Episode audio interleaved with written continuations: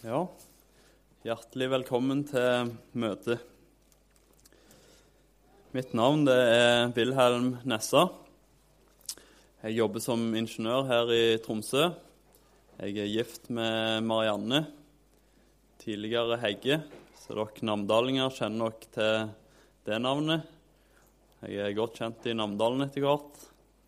Det er en fin plass. Vi er mamma og pappa til lille Silas på ett år. Så får jeg lov til å være med i forsamlingen her, med i styret og med i nattverdkomité. Så det syns jeg er veldig flott å få være med på. Så vil jeg ønske spesielt velkommen til dåpsbarnet, Oline. Jeg husker ikke navnet sist søndag, så jeg må bruke det mange ganger i dag for å ikke glemme navnet. Hjertelig velkommen til dåpsbarn med foreldre, faddere og familie. Det er en festdag for oss som forsamling når vi får lov til å være med og ta imot et lite barn inn i forsamlingen vår. Så skal vi lese søndagens tekst. Den passer fint som en dåpstekst. Den finner vi i Matteus 18, fra vers 1 til 11. Det er ikke noe sånn veldig koselig tekst, egentlig. Vi møter en eh, streng Jesus. Kanskje er det der vi møter Jesus aller hardest, med barn til stede. Men vi får se noe av hvor høyt Jesus setter barna. Og vi får se noe av eh, Jesus sitt sinnelag og Jesus sitt hjerte for de små. Hvor viktig det er for Jesus at barna blir bevart. At de blir bevart imot alle forførelsene som vil komme, og blir bevart hos Han, hos Jesus. Og vi leser vers 1-11 i Jesu navn. I samme stund kom disiplene til Jesus og sa, 'Hvem er den største i himlenes rike?' Han kalte da et lite barn til seg og stilte det midt iblant dem og sa, Sannelig sier jeg dere, uten at dere omvender dere og blir som barn, kommer dere slett ikke inn i himlenes rike. Den som gjør seg liten som dette barnet, han er den største i himlenes rike. Og den som tar imot et slikt lite barn for mitt navns skyld, tar imot meg. Men den som forfører en av disse små som tror på meg, for ham var det bedre om en kvernstein ble hengt om halsen på ham, og han ble senket i havets dyp. Ved verden for forførelser. For forførelser må komme, men ved det mennesket som forførelsen kommer ved. Om din hånd eller din fot frister deg til fall, da hogg den av og kast den fra deg. Det er bedre for deg å gå halvt eller vannfør inn til livet enn å ha begge hender eller begge føtter og bli kastet i den evige ild. Om ditt øye frister deg til fall, da riv det ut og kast det fra deg. Det er bedre for deg å gå enøyd inn til livet enn å ha begge øyne og bli kastet i helvetes ild. Se til at dere ikke forakter en av disse små. For jeg sier dere at deres engler i himmelen ser alltid min himmelske Fars åsyn. For menneskesønnen er kommet for å frelse det som var fortapt. Skal vi be.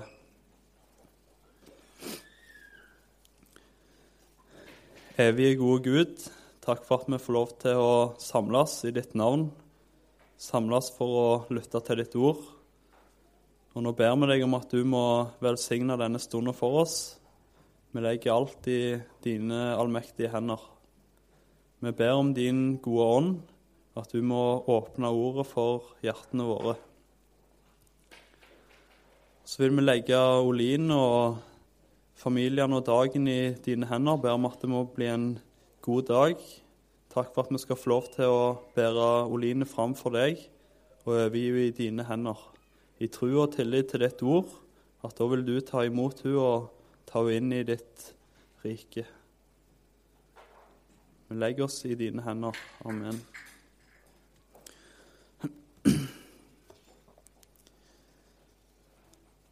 Hvem er den største i himlenes rike? Det var spørsmålet fra disiplene til Jesus. Det var ikke første gangen de snakket om dette spørsmålet. Og det var heller ikke den siste gangen. Det var dette som var samtaleemnet iblant disiplene. De var opptatt av dette her. Hvem er, hvem er den største? Hvem er den største av oss? Og det har gått igjen helt ifra skapelsens første dag. Ifra vi møter Kain og Abel. Han som slår sin bror i hjel. Han har fått en tanke om at Abel han er større enn meg. Men når han er død, da er jeg størst. Da er det bare meg igjen. Og rundt omkring i verden etter denne dagen så har det handla om det å bli størst. Få et stort navn. Bli mektigst. Bli rikest. Få flest fans. Flest stemmer. Enten det er fotball eller om det er politikk, eller om det handler om et popidol.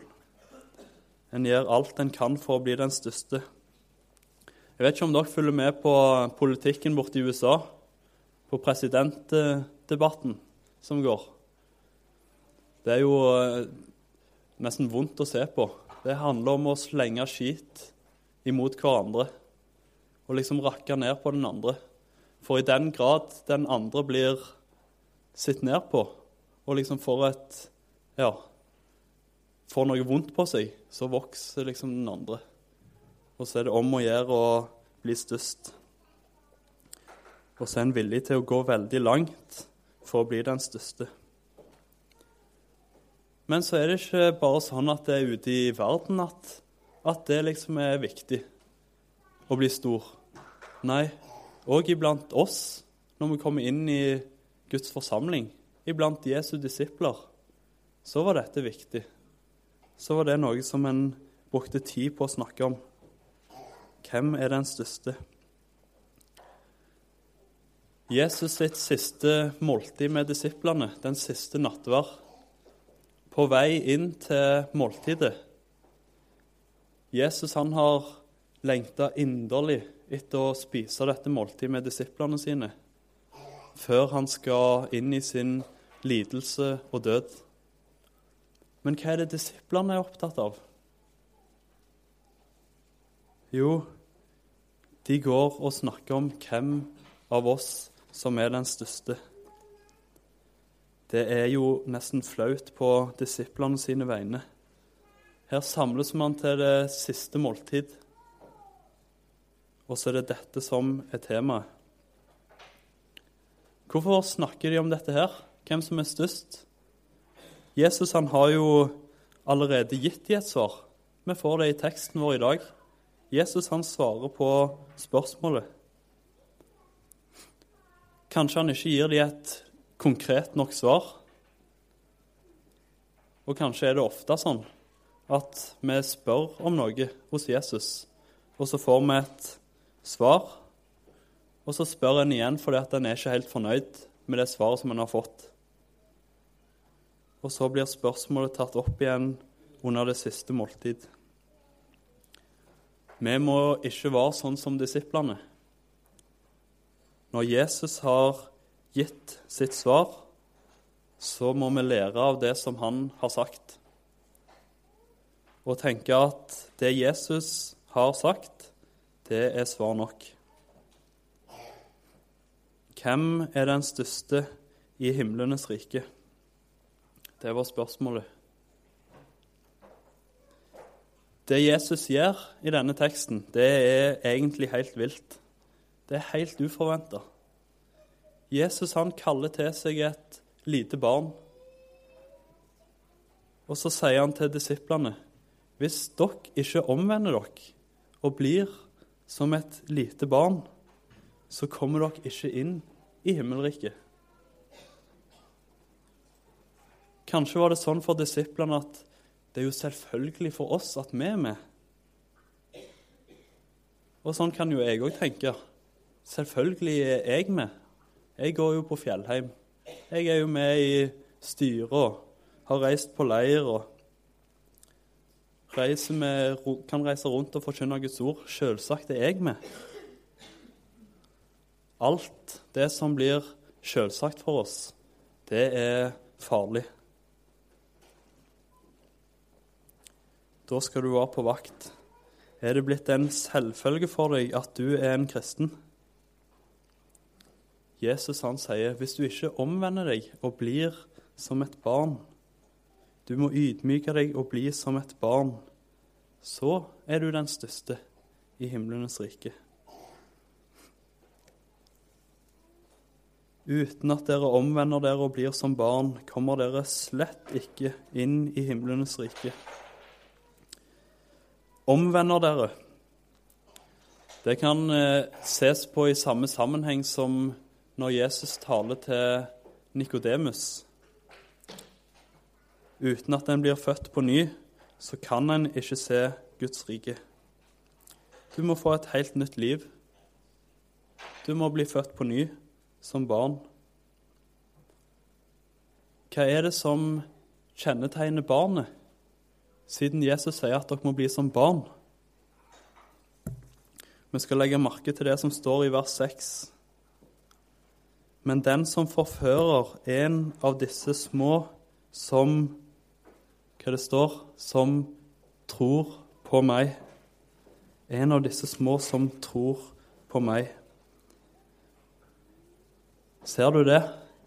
Jesus, han tilkjenner de små troen de små som tror på meg.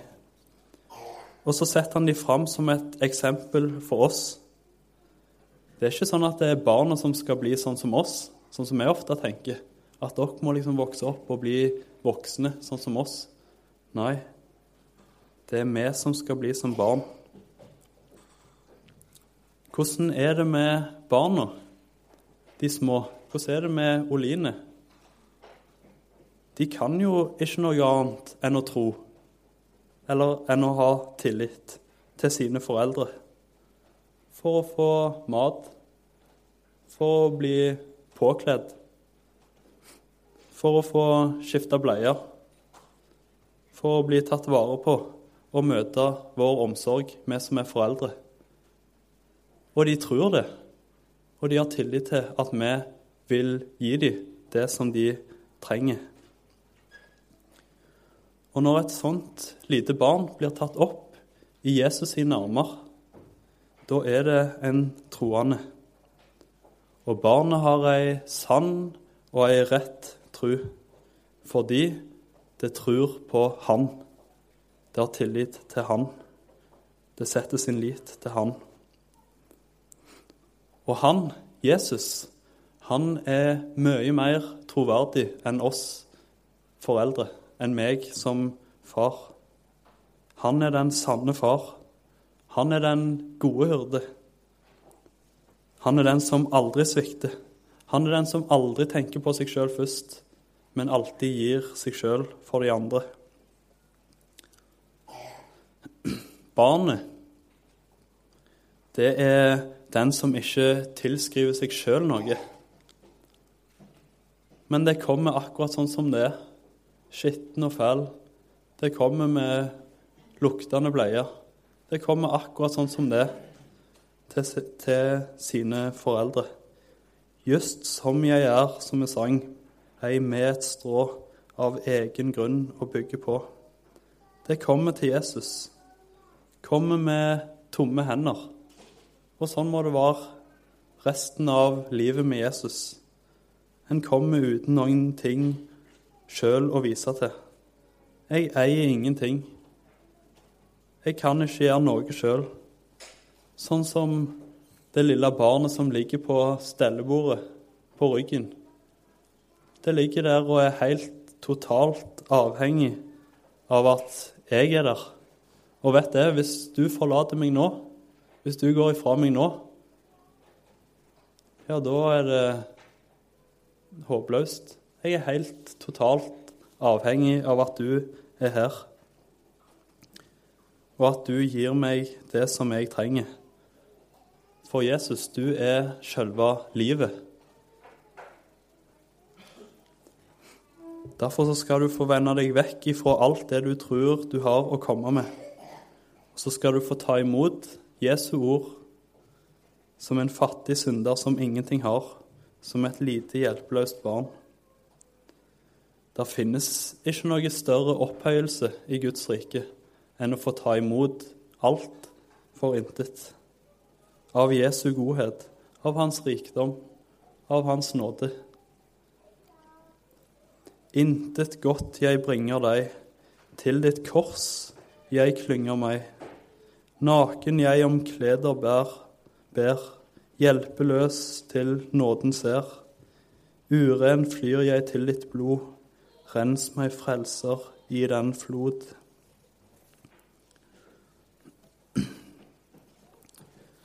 Jeg skal gå videre til vers 5. Og den som tar imot et slikt lite barn for mitt navns skyld, tar imot meg. Jesus han har omsorg for de små. Den som tar imot et sånt lite barn for min skyld, den tar imot meg. Tenk det. Det du gjør imot en av disse små. Du som står i møte med barn i forskjellige sammenhenger om det er i din familie, eller om det er på ei allidrettsgruppe, eller om det er på leir. Glem ikke dette. Jesus han setter barna utrolig høyt. Alt det du gjør imot et sånt lite barn for mitt navns skyld, den tar imot meg. Og i fortsettelsen av dette så møter vi Jesus kanskje på det aller hardeste som jeg kommer på i min bibel. Egentlig i møte med det å forkynne til barn. Det tar Jesus virkelig på alvor. Vi har kanskje lett for å tenke at det er liksom ikke så viktig. Jeg må jo si for min egen del at jeg bruker mer tid på å forberede meg når jeg skal tale her i forsamlingen enn når jeg skal til et barnelag, f.eks. Det er liksom ikke så Ja. De følger jo ikke så mye med, og det er liksom ikke så nøye. Nei, sånn tenker ikke Jesus. Det tas på alvor. Hva gir en til barna? Det er fryktelig alvorlig. Og Jesu ord, de er rystende. Men den som forfører en av disse små som tror på meg, for ham var det bedre om en kvernstein ble hengt om halsen på ham, og han ble senket i havets dyp. Ved verden for forførelser, for forførelser må komme, men ved det mennesket som forførelsen kommer ved. Det er rystende ord. Men det vi egentlig møter, det er Jesu omsorg og Jesu kjærlighet for de små. Og Du kan egentlig få se på dette avsnittet som et oppmuntrende ord til deg som på ulike måter møter barn i hjemmet, som mor eller far, bestemor eller bestefar, søndagsskolelærer eller leirleder Jesus, han elsker alle barna. Jesus elsker alle barna. Han er barnas beste venn. Du skal få lov til å møte barna med det beste som du har. Bruk tid med barna. Smil til dem. Lær dem å be. Lær dem å bli glad i Guds ord. Legg ikke hindringer i veien for barna som ønsker å være hos Jesus. Jesus han kalte på dette barnet, og det kom. det er ikke så vanskelig for barn å, å komme til Jesus.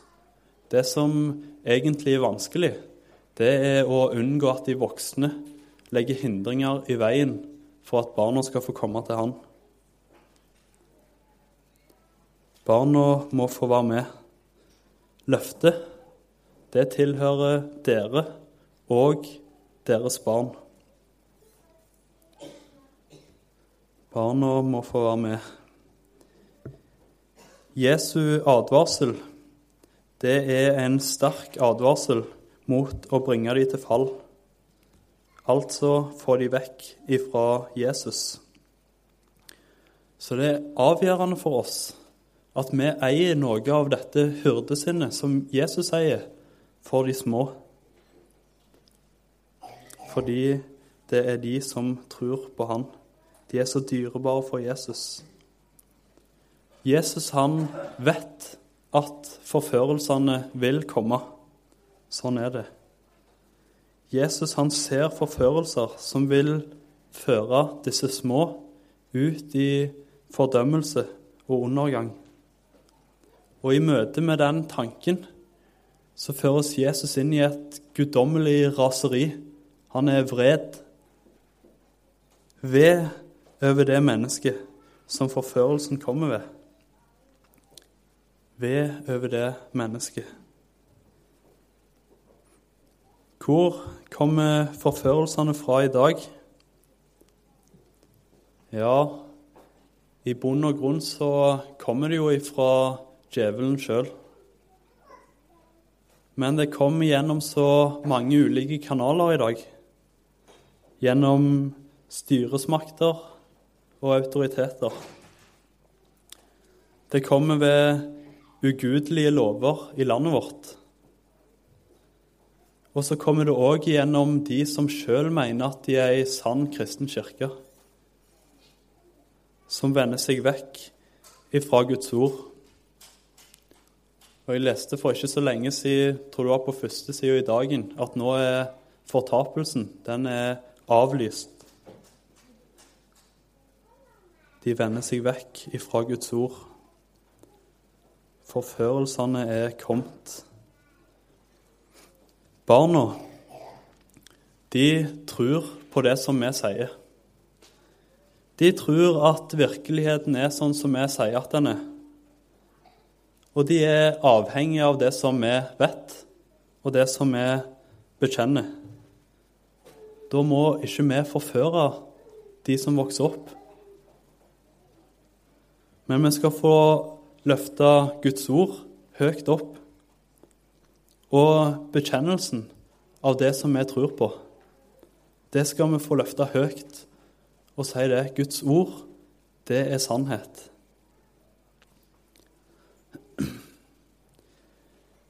Jeg har vanskelig for å komme forbi dette avsnittet uten at eh, tankene mine ledes til den abortlovgivning som vi har i landet vårt i dag, til den forførelse om at mennesket er ikke lenger et menneske skapt i Guds bilde, men vi er bare et dyr.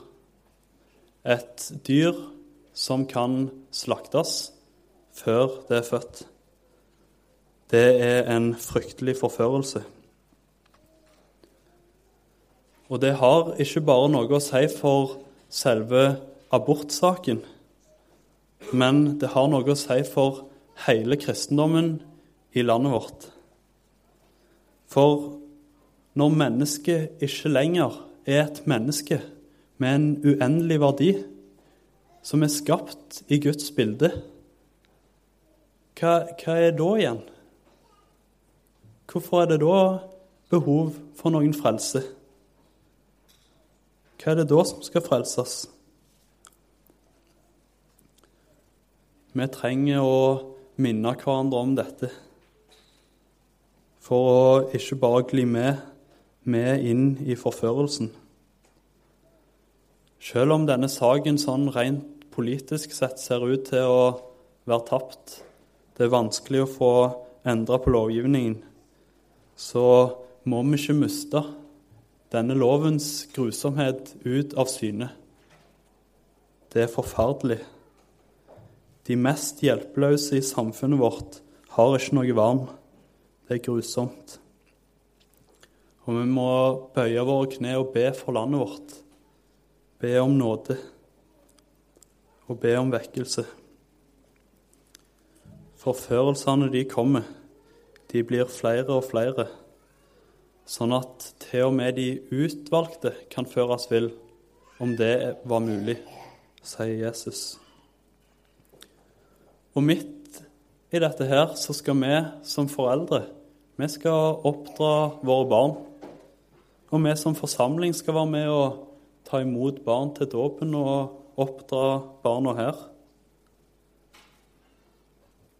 Dere som i dag ber et lite barn til dåpen, Oline, lover i dag å oppdra barn i den kristne forsakelse og tro. Jeg er òg far. Jeg skal oppdra mitt barn. Da er det viktig at det settes av tid hver dag til å lese ifra Guds ord, til Guds ord og til bønn. Gjerne ved måltid det er en fin anledning til å løfte fram Bibelen og be. Les i sammen og be i sammen. Syng gode kristne sanger i sammen. Barna må settes høyt i hverdagen. Så skal en få oppdra dem i forsakelse og tro. Ordet forsakelse det er kanskje et eh, glemt ord. Men dette avsnittet her, som vi leser videre nå, i vers 8 og 9, det handler nettopp om noe med det med forsakelse. Om din hånd eller din fot frister deg til fall, da hogg den av og kast den fra deg.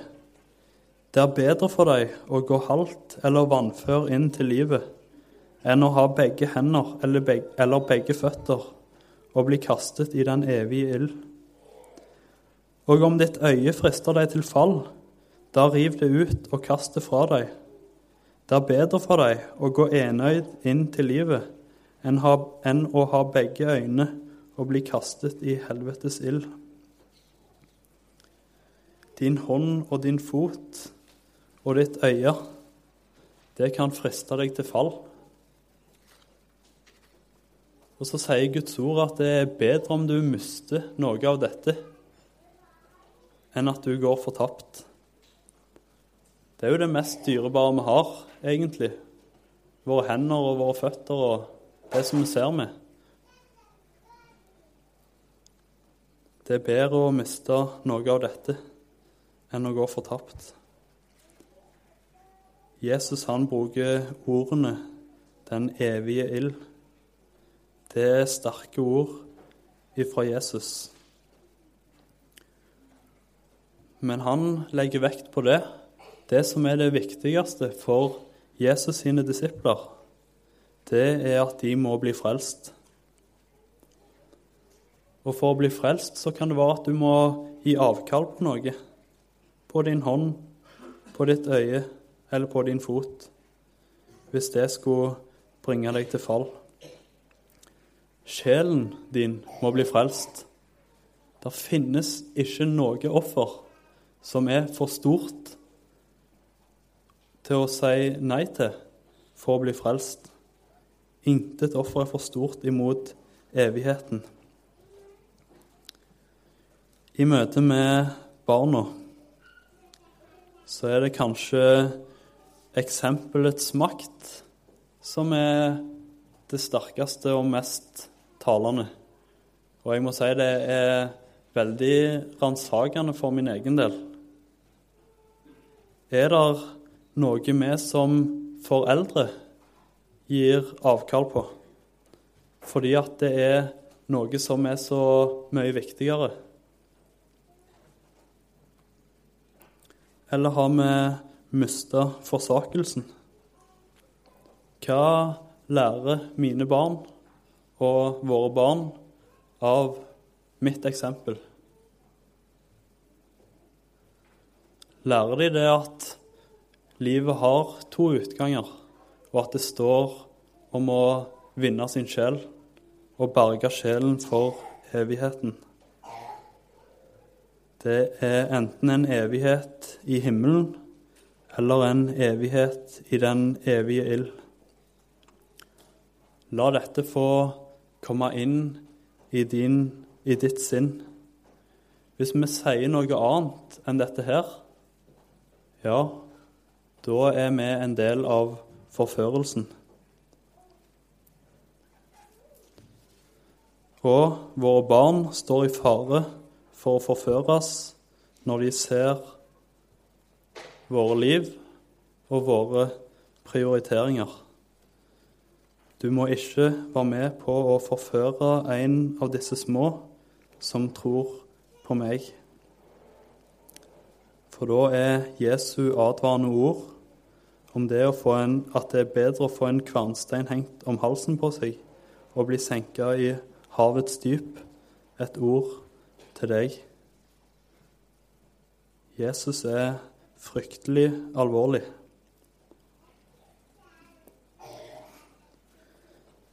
I vers 10 så vender Jesus tilbake igjen til spørsmålet om de små. Se til at dere ikke forakter en av disse små. For jeg sier dere at deres engler i himmelen ser alltid min himmelske Fars åsyn. Se til at dere ikke forakter en av disse små. Tenker kanskje at det er en litt sånn overfladig formaning. Vi gjør jo ikke det.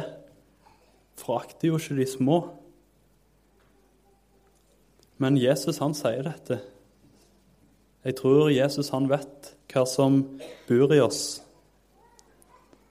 Og at en av veiene som vi tidligere nevnte, til å komme opp, det er å forakte de andre.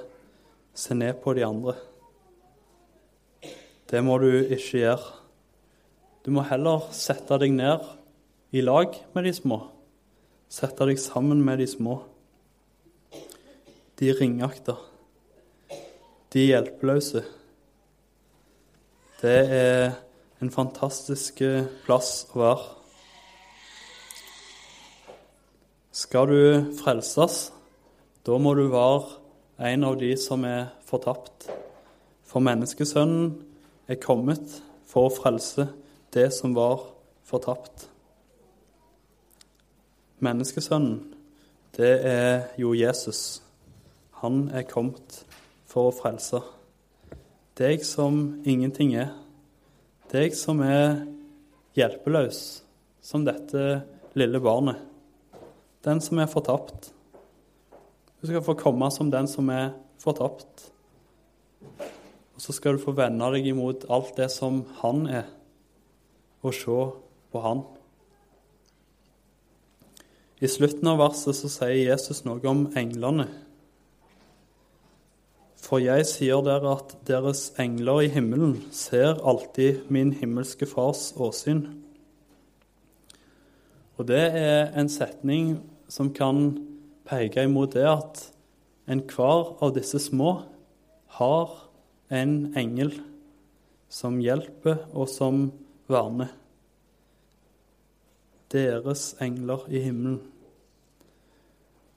Det er ikke så veldig mye tale om englene i Bibelen, men vi får noen glimt.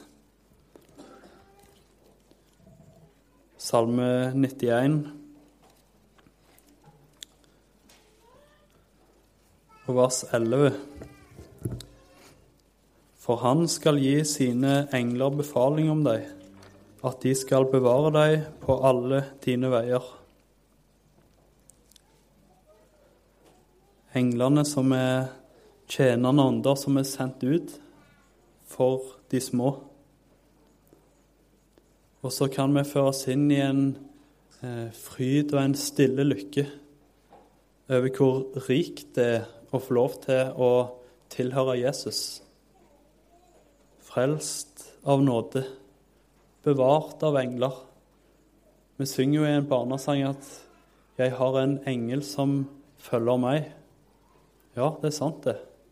Der er en engel som er med og vil verne Oline.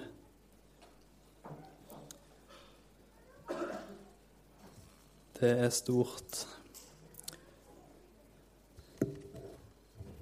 Det er egentlig ingen store i, blant disiplene, i, blant de som tilhører Jesus. Det fins bare én som er stor, og det er Jesus. Det er han som er stor. Han som er kommet for å frelse det som var fortapt. Amen.